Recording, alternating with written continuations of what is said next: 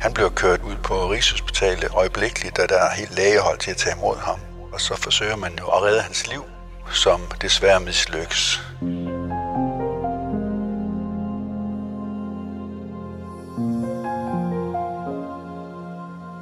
Drab er altid dybt tragiske. Men at blive slået ihjel, fordi man ikke vil give en fremmed sin hue, det er så meningsløst som noget. Netop så meningsløst var et drab i starten af 2008, og det handler denne udgave af Danske Drabsager om. Vi går tæt på en hektisk menneskejagt, knive i nattelivet, en ung mands fatale beslutning og et enkelt livsfarligt hug i brystet. Til at fortælle om sagen i denne episode har jeg talt med tidligere drabsefterforsker Allan Jul Laugesen, kriminaltekniker Bent Hytholm Jensen, professor i retsmedicin Hans Peter Hågen og tidligere anklager Anne Begitte Styrup. Mit navn er Stine Bolter. Velkommen til podcasten Danske Drabsager, fortalt af de fagfolk, der har været helt tæt på. Den 19-årige mand ser vantro på de tre jævnaldrende fyre, som har råbt til ham, og nu kræver at få hans hue. De virker aggressive, som om de vil slås. Han afviser dem og prøver at komme videre. En af fyrene rækker ud efter huen, men han skubber ham væk. Og så begynder slagene. Hey, det er fejt at være tre mod en, råber han, mens hans kammerat løber væk fra de mange slag og spark for at tilkalde hjælp. Så kommer kniven, og han falder som et træ i skoven. Det første alarmopkald kom kl. 05.51 lørdag den 5. januar 2008. En ung mand lå bevidstløs, men stadig i live på de kolde brosten på strået i København.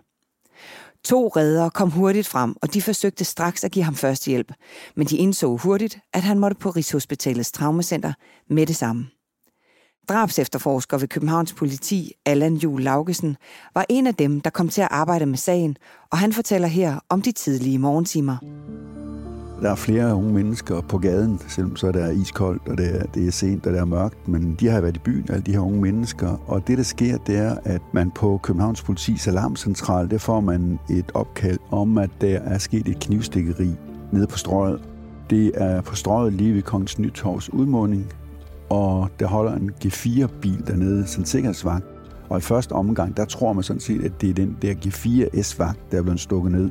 Og i den forbindelse sender man jo politi derned og hundevogn og alt muligt andet. Men øh, da man kommer derned, der møder man den her G4-medarbejder. Det kan sige, at øh, der er sket et knivstikkeri, og den, der er blevet stukket, ligger bag hans bil, og der er blod op og ned af hans øh, vagtbil.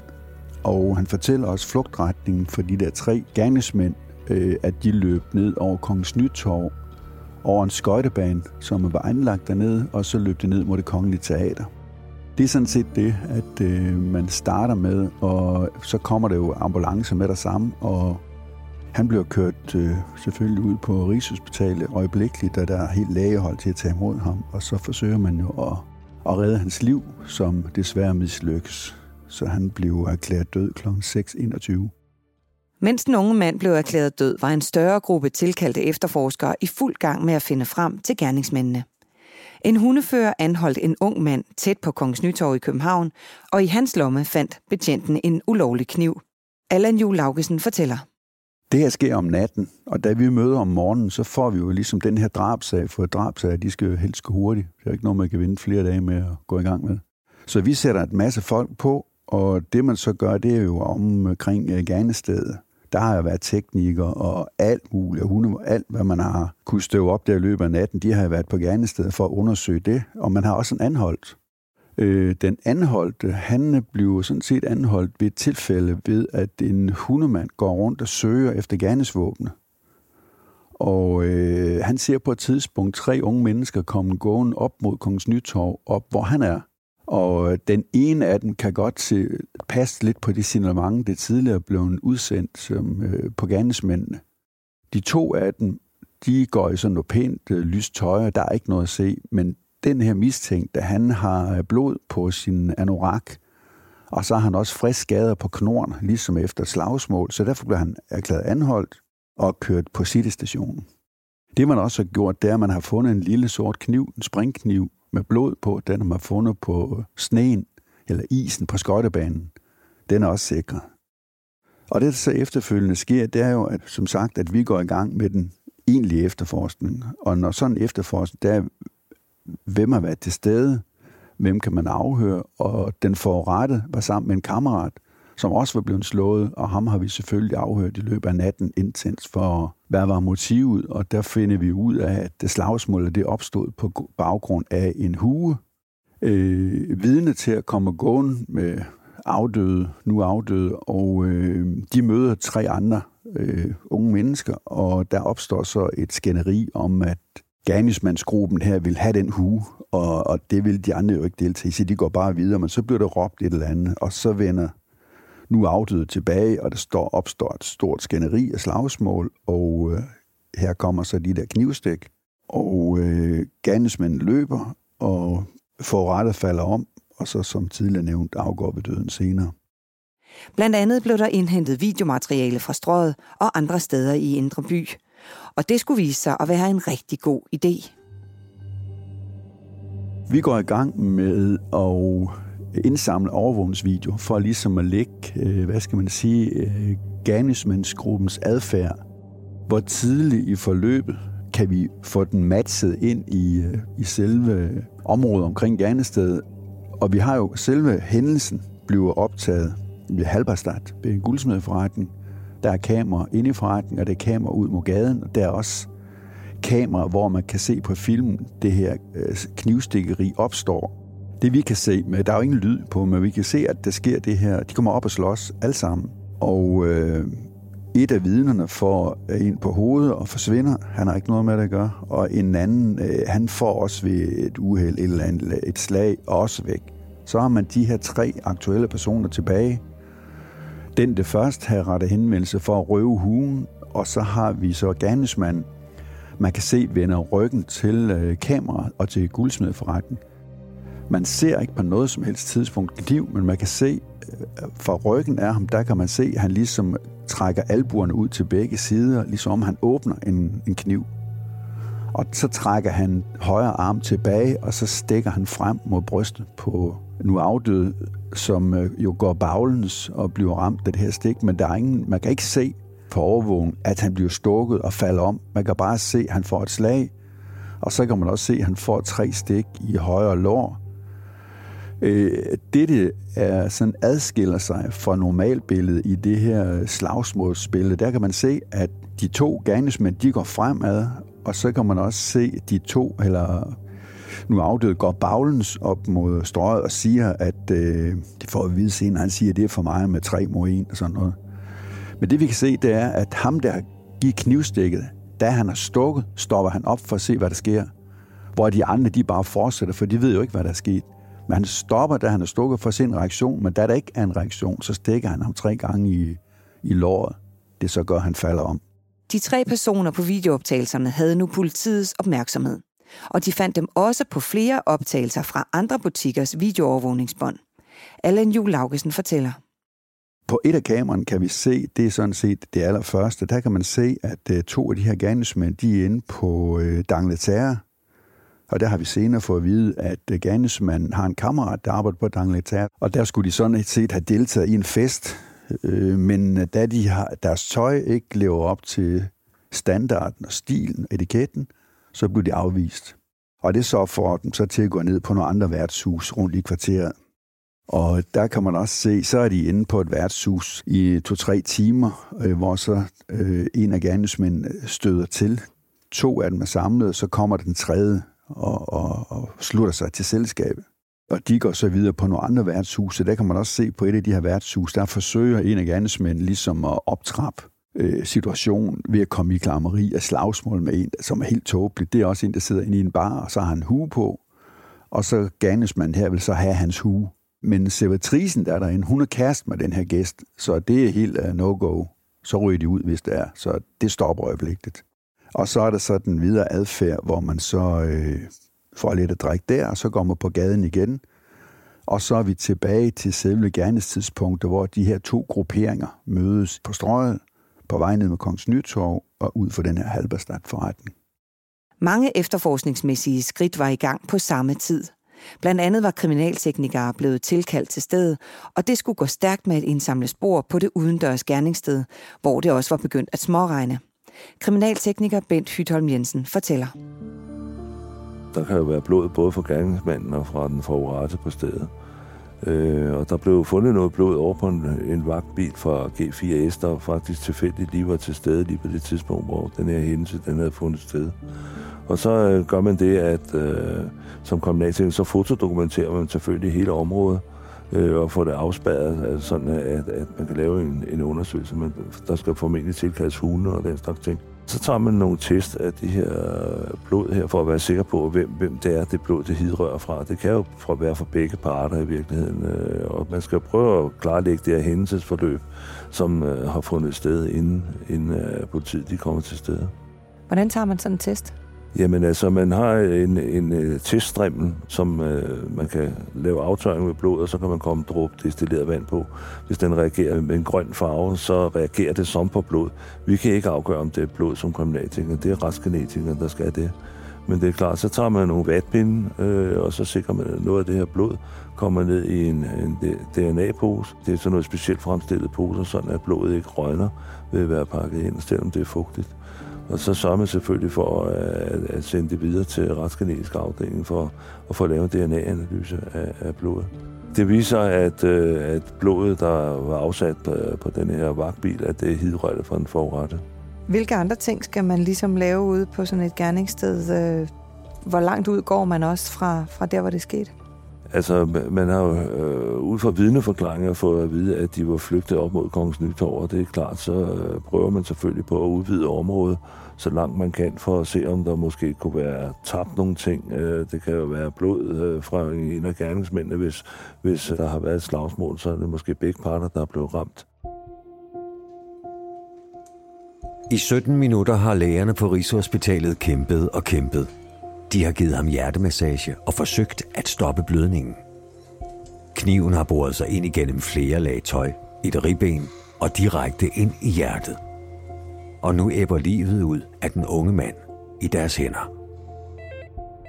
Få timer senere denne lørdag morgen kimer en telefon hos en 55-årig mand i Valby. Han har fødselsdag, og det skal fejres med sønnen senere – han griber røret i den tro, at nogen vil ønske ham tillykke, men beskeden er alt andet end glad. Det får ham til at bryde sammen, for i den anden ende lyder det, at hans søn er død. Stukket ihjel midt på gaden i København. Efterforsker Allan Jul Laugesen og hans kollegaer havde travlt. Han tager os nu tilbage til de første hektiske timer og dage efter drabet. Man har nu et gerningsvåben, kunne man tro, da man har en kniv med blod på, som blev fundet på skøjtebanen. Men det, der også var helt specielt ved det her, det er, at øh, den anholdt, som blev anholdt ved en tilfældighed på Kongens Nytorv, da han har blod på sit tøj, var også besiddelse af en kniv. Og øh, det gav så anledning til, øh, at han kunne have været gerningsmanden også, da han også har en kniv og har blod på tøjet, og den blev også sendt til undersøgelse. Men øh, det videre forløb, det er, at vi sætter jo en masse forhøringer i gang på de her værtshuse. Øh, er der nogen, der har set deres adfærd? Er der nogen, der har konstateret noget mistænkeligt til? Øh, er det bare lige en pludselig opstået hændelse? Og det blev konklusion på det. Fordi det her, det er bare en lige pludselig opstået hændelse, som sker, og det her drab finder sted. Den kniv, som en hundefører havde fundet på Kongens Nytorv, blev sendt ind til kriminalteknikerne til nærmere undersøgelse. Bent Hytholm Jensen fortæller. Dels for, at man skal sikre blodet, øh, altså prøve blodet, plus at man skal undersøge, om der er nogle fingeraftryk på. Det viser jo så, at det blod, der var på, på knivbladet, det hedrørt for den forrette, så det var jo sandsynligvis den kniv, der måtte være brugt øh, i forbindelse med det her knivstikkeri. Efterforskerne skulle naturligvis også vide, hvad dødsårsagen præcis var, og den afdøde skulle derfor obduceres. Professor i retsmedicin Hans Peter Hågen fortæller om det vigtige arbejde, de skulle lave på instituttet. Undersøgelsen viste, at øh, den afdøde havde fået nogle blå mærker efter slag. Spark, det kunne vi ikke rigtig afgøre. Og de var, de var helt friske, så de var ikke blevet blå endnu, men det var røde mærker. Men derudover, øh, så var det knivstik var et knivstik i brystet, og der var også knivstik på det ene lår. Og da vi undersøgte knivstik på brystet nærmere, kunne vi se, at det må have været påført med stor kraft. For det første var det stukket igennem flere lag tøj, og der var et knivstik, som gik igennem hjertet og ind i øh, venstre lunge og punkterede den. Så det var altså det, det dødelige stik. Der var vidner, der så ham vakle væk og op mod Kongens Nytorv, efter han var blevet stukket i hjertet. Hvordan kan man, øh, hvordan kan man gå, efter man er blevet stukket i hjertet? Mange tror jo, at man falder død om med det samme, man bliver stukket i hjertet. Og sådan er det ikke nødvendigvis. Der er altså eksempler på folk, som er gået, måske undkøbt løbet, flere hundrede meter, inden de falder om og dør. Og det er jo fordi, at øh, der er stadigvæk iltet blod i hjernen, men iltmængden i blodet falder jo lynhurtigt, når det ikke kommer nyt blod. Og når man er stukket i hjertet, jamen så løber blod ud af hjertet og bliver ikke pumpet rundt, og hjertet holder ganske hurtigt op med at slå. Men så har man alligevel iltreserver i, i hjernen til at, at kunne reagere som nogenlunde normalt i uh, mange sekunder, måske helt op til et minuts tid. Derfor kan han have bevæget sig et stykke, inden han faldt om. Retsmedicinerne fik forvist den kniv, som politiet mistænkte var gerningsvåbnet. Den havde et blad på blot 6 cm, og derfor var det store spørgsmål, hvordan en kniv af den størrelse kunne bore sig igennem flere lag tøj og forvolde så stor skade på sit offer. Hans Peter Hågen forklarer. Vi skal se om målene på denne kniv kan passe med målene på øh, lesionen på øh, afdøde. Og når vi så så på brystet, så var stikkanalens dybde. Den kan være svær at afgøre nøjagtigt, fordi den går ind i brystet, igennem hjertet, ja, men når den så går ind i lungen, så er det svært at afgøre rigtig, hvor lang den, øh, stikkanalen har været. Derfor plejer vi også normalt at sige, at stikkanalen er cirka så så mange centimeter dyb. Men her så det ud til, at stikkanalen var dybere, og det vil jo sige, at der er blevet brugt kraft for at presse kniven yderligere ind, altså presse brystkassen indad. Så det vil sige, altså ikke bare er kniven stukket ind i brystet, men den er stukket med så stor kraft, at selve brystkassen, hvad skal vi sige, er bulet indad. Og så kan man få en øh, stikkanal, der er længere end længden på øh, knivsbladet. Så er det det her med, hvordan ser stikmærke eller stiksår ud på overfladen. Hvis det er sådan, jeg vil ikke sige trekantet, men forestil dig en meget smal trekant, så ser det ud til, at så er det en enægget kniv. For hvis du forestiller dig knivsbladet skåret igennem, og du ser på det, så vil det være en aflang, spids trekant. Hvis kniven derimod er tvægget, det vil sige, at der ikke i begge ender, så vil stiksår være mere ellipseformet, men spidst i begge ender. Og derfor kan man få en idé om, hvordan øh, knivsbladet har set ud. Og på den måde kan man måske sandsynliggøre, at det kan være denne kniv.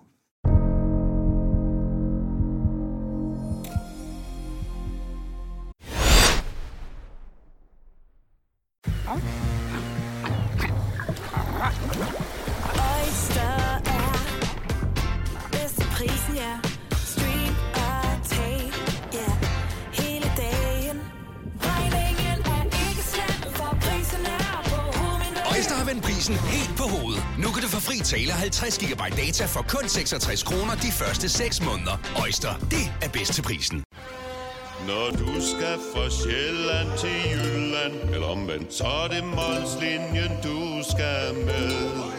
Kom, kom, kom, bado, kom, bado, kom, bado. Få et velfortjent bil og spar 200 kilometer. Kør ombord på Molslinjen fra kun 249 kroner. Kom, bare du. Du vil bygge i Amerika? Ja, selvfølgelig vil jeg det. Reglerne gælder for alle. Også for en dansk pige, som er blevet glad for en tysk officer. Udbrændt til kunstner. Det er jo sådan, direktør Conradsen, han ser på mig. Jeg har altid set frem til min sommer. Gense alle dem, jeg kender. Badehotellet. Den sidste sæson. Stream nu på TV2 Play. Der er kommet et nyt medlem af Salsa Cheese Klubben på MACD. Vi kalder den Beef Salsa Cheese. Men vi har hørt andre kalde den Total Optor.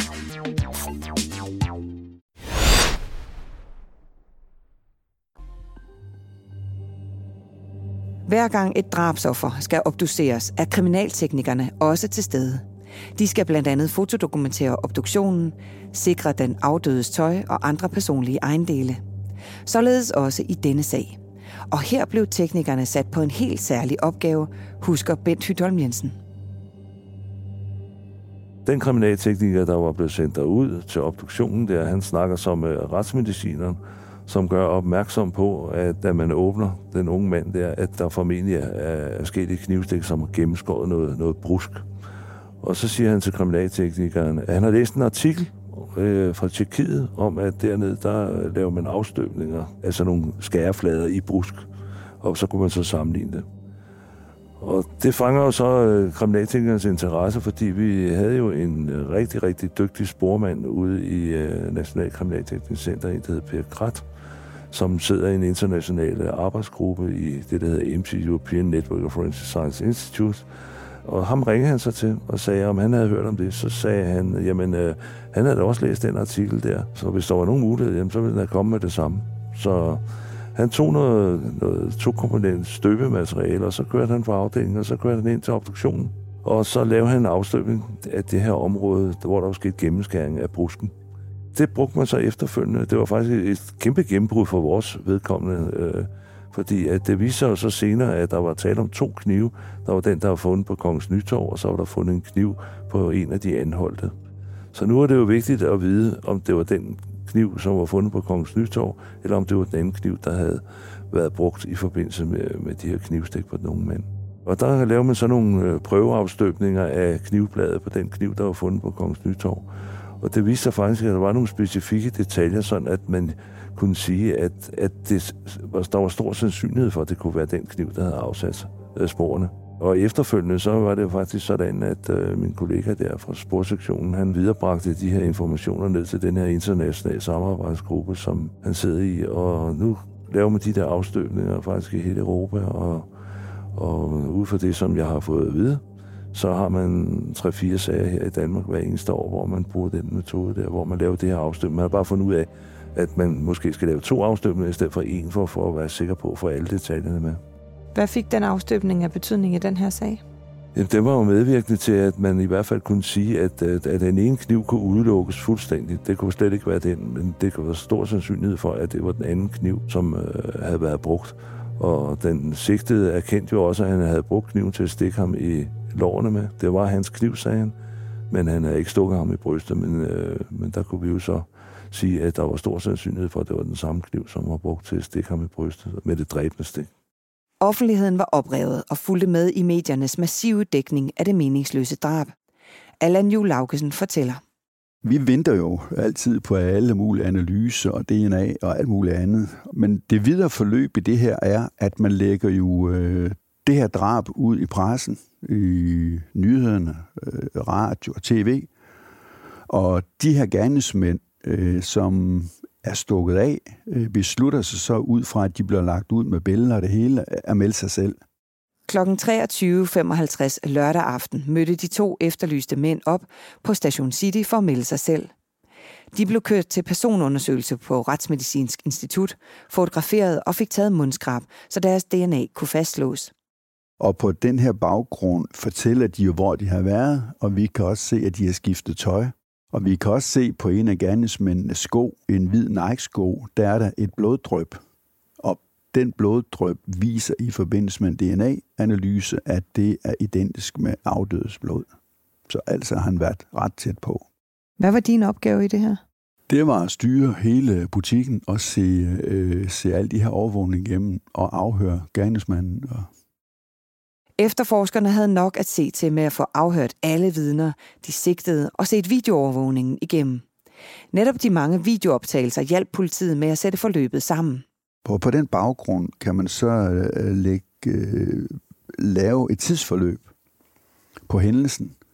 Og det, der sker efter selve knivstikkeriet, der går de her unge mennesker i panik.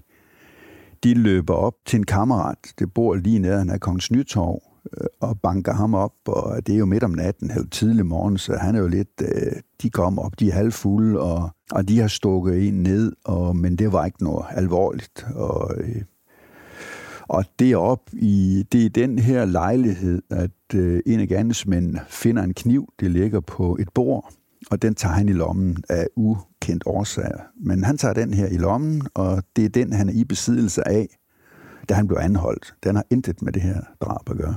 Men det ved politiet jo ikke, da de anholder ham. De er oppe i den her lejlighed, og de er højrystet, og de er, de er lidt i chok, men de er også øh, fjollet og dumme, så den kammerat, de besøger, siger, og han har sin kæreste på besøg, ud, jeg gider ikke her, her, ud med jer. Og så går de. Og så går de på gaden, så kommer gerningsmanden til at sige, at jeg har glemt, jeg har tabt min kniv. Øh, skal vi ikke gå tilbage for at finde den? Og det vil de andre ikke. Og det er det moment, at de bliver antastet af politiet, er de på vej ned til Kongens Nytorv igen. Det er der, hvor den ene så bliver anholdt, Ja. og så begynder der så at gå i panik i de to andre. Ja, men de forsvinder til en anden kammerat, som er mere lydhør. Og øh, nu er klokken blevet så meget hen på morgenstund, at nu begynder nyhederne sådan ligesom at komme frem. Og da de sidder og fortæller, at de har været i slagsmål, og de er blevet stoppet af politiet, men de fik lov at gå, på grund af, at man ikke kunne... Altså, de slap. Så øh, den kammerat, de besøger, han tror ikke en dyt på det her. Så tænder de nyhederne, og så kan de til deres store overraskelse se, at nu er de simpelthen efterlyst af politiet.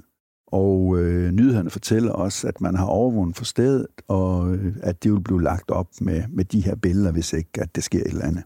Og så, øh, så breder panikken sig. Så skifter de tøj, og de låner noget, og de skifter sko, alt muligt andet.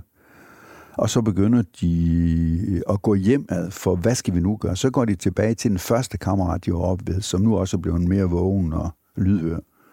For nu har han jo også hørt, hvad det skete. Så blev det ligesom alvorligt. Så er der ikke bare en flok fjollede tosser, der har været øh, i byen. Så de sætter sig derop, og så laver de simpelthen øh, en plan om, at øh, vi er simpelthen nødt til at melde os selv. Men for at gøre det, vi skal også ligesom øh, have fat på vores forældre, og en af de her personer, der var med i gerningsmandsgruppen, som intet har med at gøre, andet end at kigge på det. Han ringede til sin mor og sagde, at øh, jeg har været med til det her, og nu er jeg efterlyst af politiet, og hun siger, at du går til politiet øjeblikkeligt. Da den unge mand blev bisat halvanden uge efter drabet, var 300-400 personer mødt op for at sige farvel. Der var kun plads til omkring 150 personer i kapellet, så det var massivt.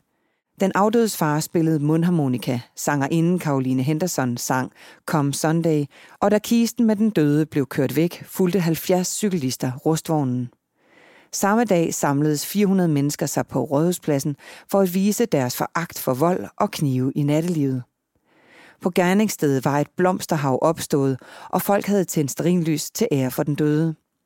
Midt i det hele var der også en, der havde lagt en hue. Allan Juhl Laugesen og hans kollegaer i drabsafdelingen i København fik samlet alle brikkerne, og en vigtig del i denne sag var som sagt videoovervågningen. De her film samler vi jo i en samlet film, men selve, øh, hvad skal man sige, selve klippet, eller de 30 sekunder, hvor selve drabet finder sted, det så vi igennem. Det er jo mørkt. Øh, man kan se personer, de bevæger sig rundt. Og for at få styr på de her, hvem er hvem, så får vi det lagt ud til et privat firma, hvor vi beder dem om med, med teknik, kan I ikke sætte ringe? En blå, en rød, en grøn og en gul om de her personer. Og så skriver man navnen ud i højre marken, og så kan du se, de farver følger filmen. Så kan man se, øh, hvor går den person hen, hvad laver den person, hvad gør den. Så er man 100% sikker på, hvem gør hvad, hvem er hvor. Det, der så sker, jeg skriver en rapport, øh, efter at have set den her film igennem 100 gange sammen med kollegaer, så er vi nødt til at se, hvad er det, vi ser? Blandt andet den der detalje med øh, den ene gerningsmand, det vender ryggen til, og han gør den her, man ser ham bagfra, han gør sådan her med armene, og så trækker han den her tilbage og stikker, og så dør han 30 sekunder efter.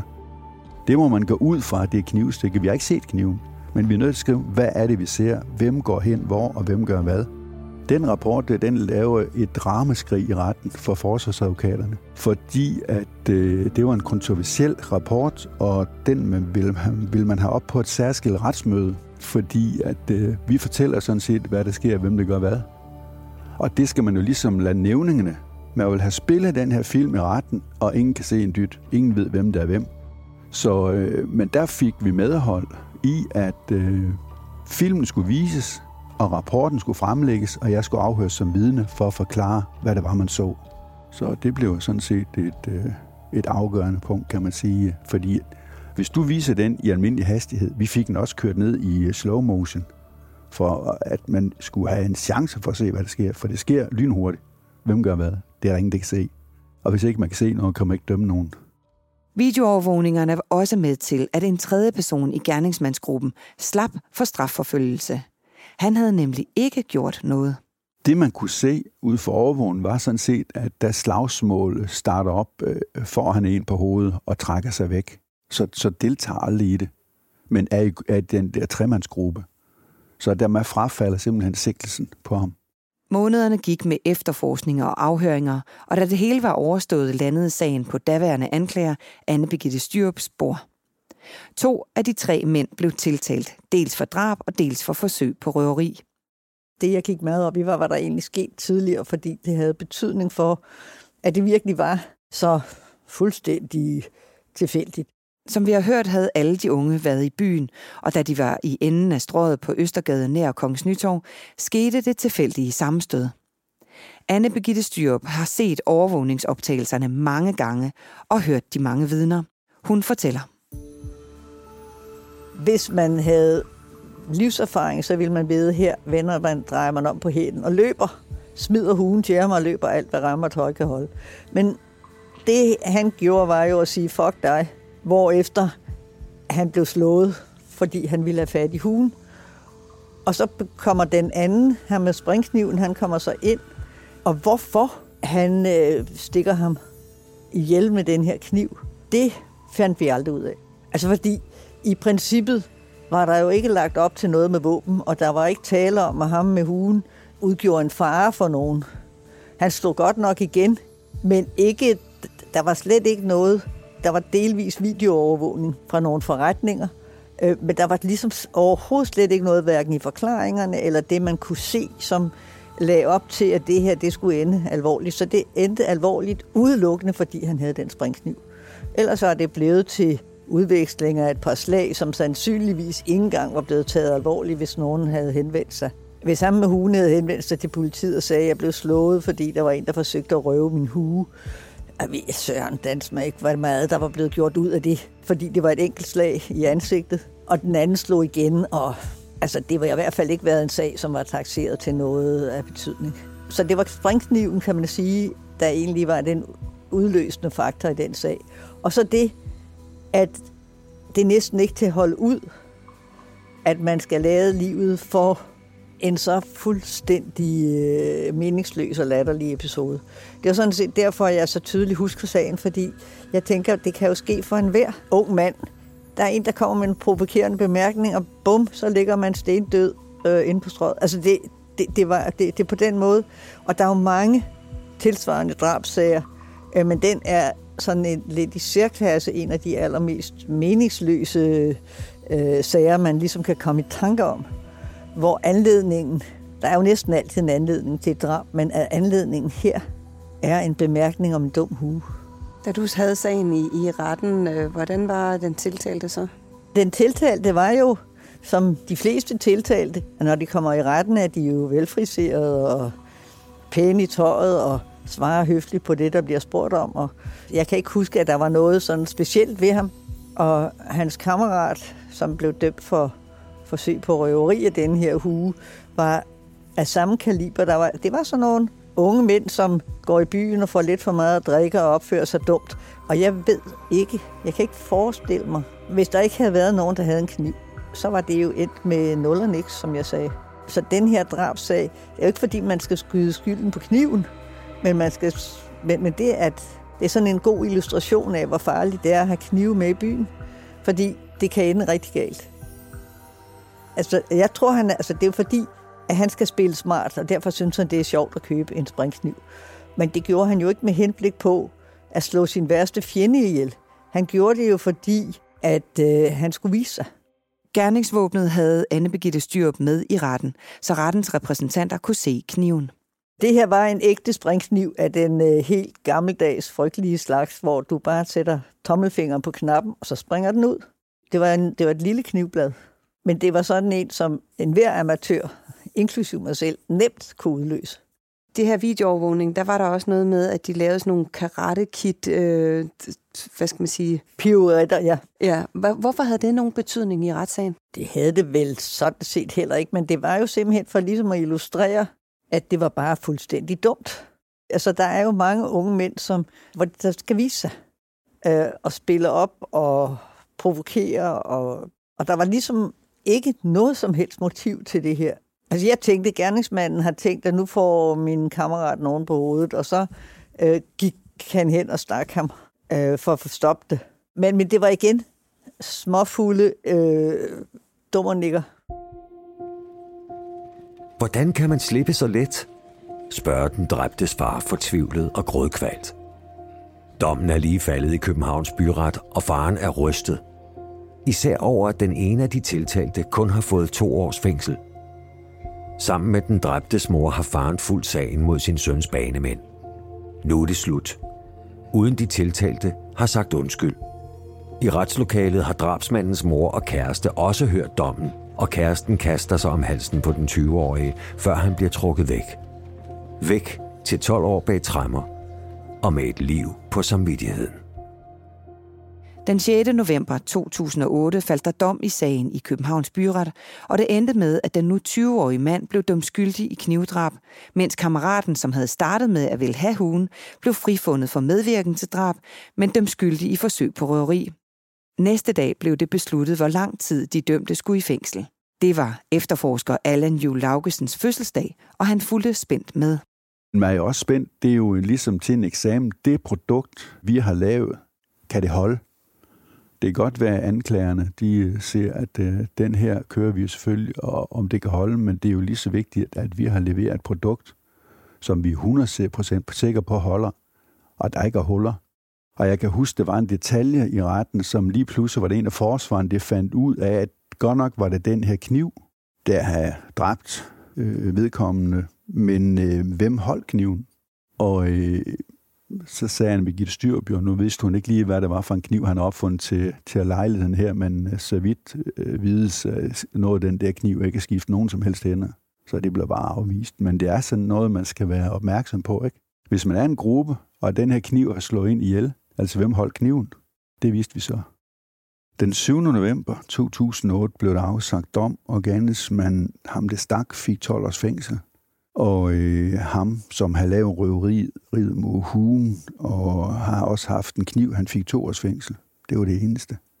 Og så blev de jo så anket til øh, landsretten, og der er stadfæstet landsretten dommen den 20. maj 2009. Sagen om den unge mand, som mistede sit liv på baggrund af en hue, er en sag, som Allan Juhl Laugesen aldrig vil glemme. Drab det kan man, mange kan ikke forstå det. Jeg kan godt forstå det. Der kan være alle mulige årsager til det. Det kan være bandekonflikter, det kan være hævn, det kan være penge, det kan være jalousi, det kan være... Og det har vi jo haft i alle vores drabsager. Jeg tror, den eneste, vi har haft fuldstændig tåbelig på grund af en hu, det er sådan en drabsag som dem her. Det giver slet ingen mening. Man skal se på det, at både dræbtes familie, men også forurettes familie, det er jo helt tåbeligt, at man skal have en søn i fængsel i 12 år for, på grund af en hu som er helt unødvendig. Man forstår man, hvad det slagsmål, og det har været øh, lige gode om det, og det er de jo i vandet og alt muligt andet at sige. Det må de skulle selv råde med. De har selv købt billetten. De ved, hvad de går ind til, men det ved du ikke, når du kommer gående på strøget med en hue. Det er det, der gør det så meningsløst.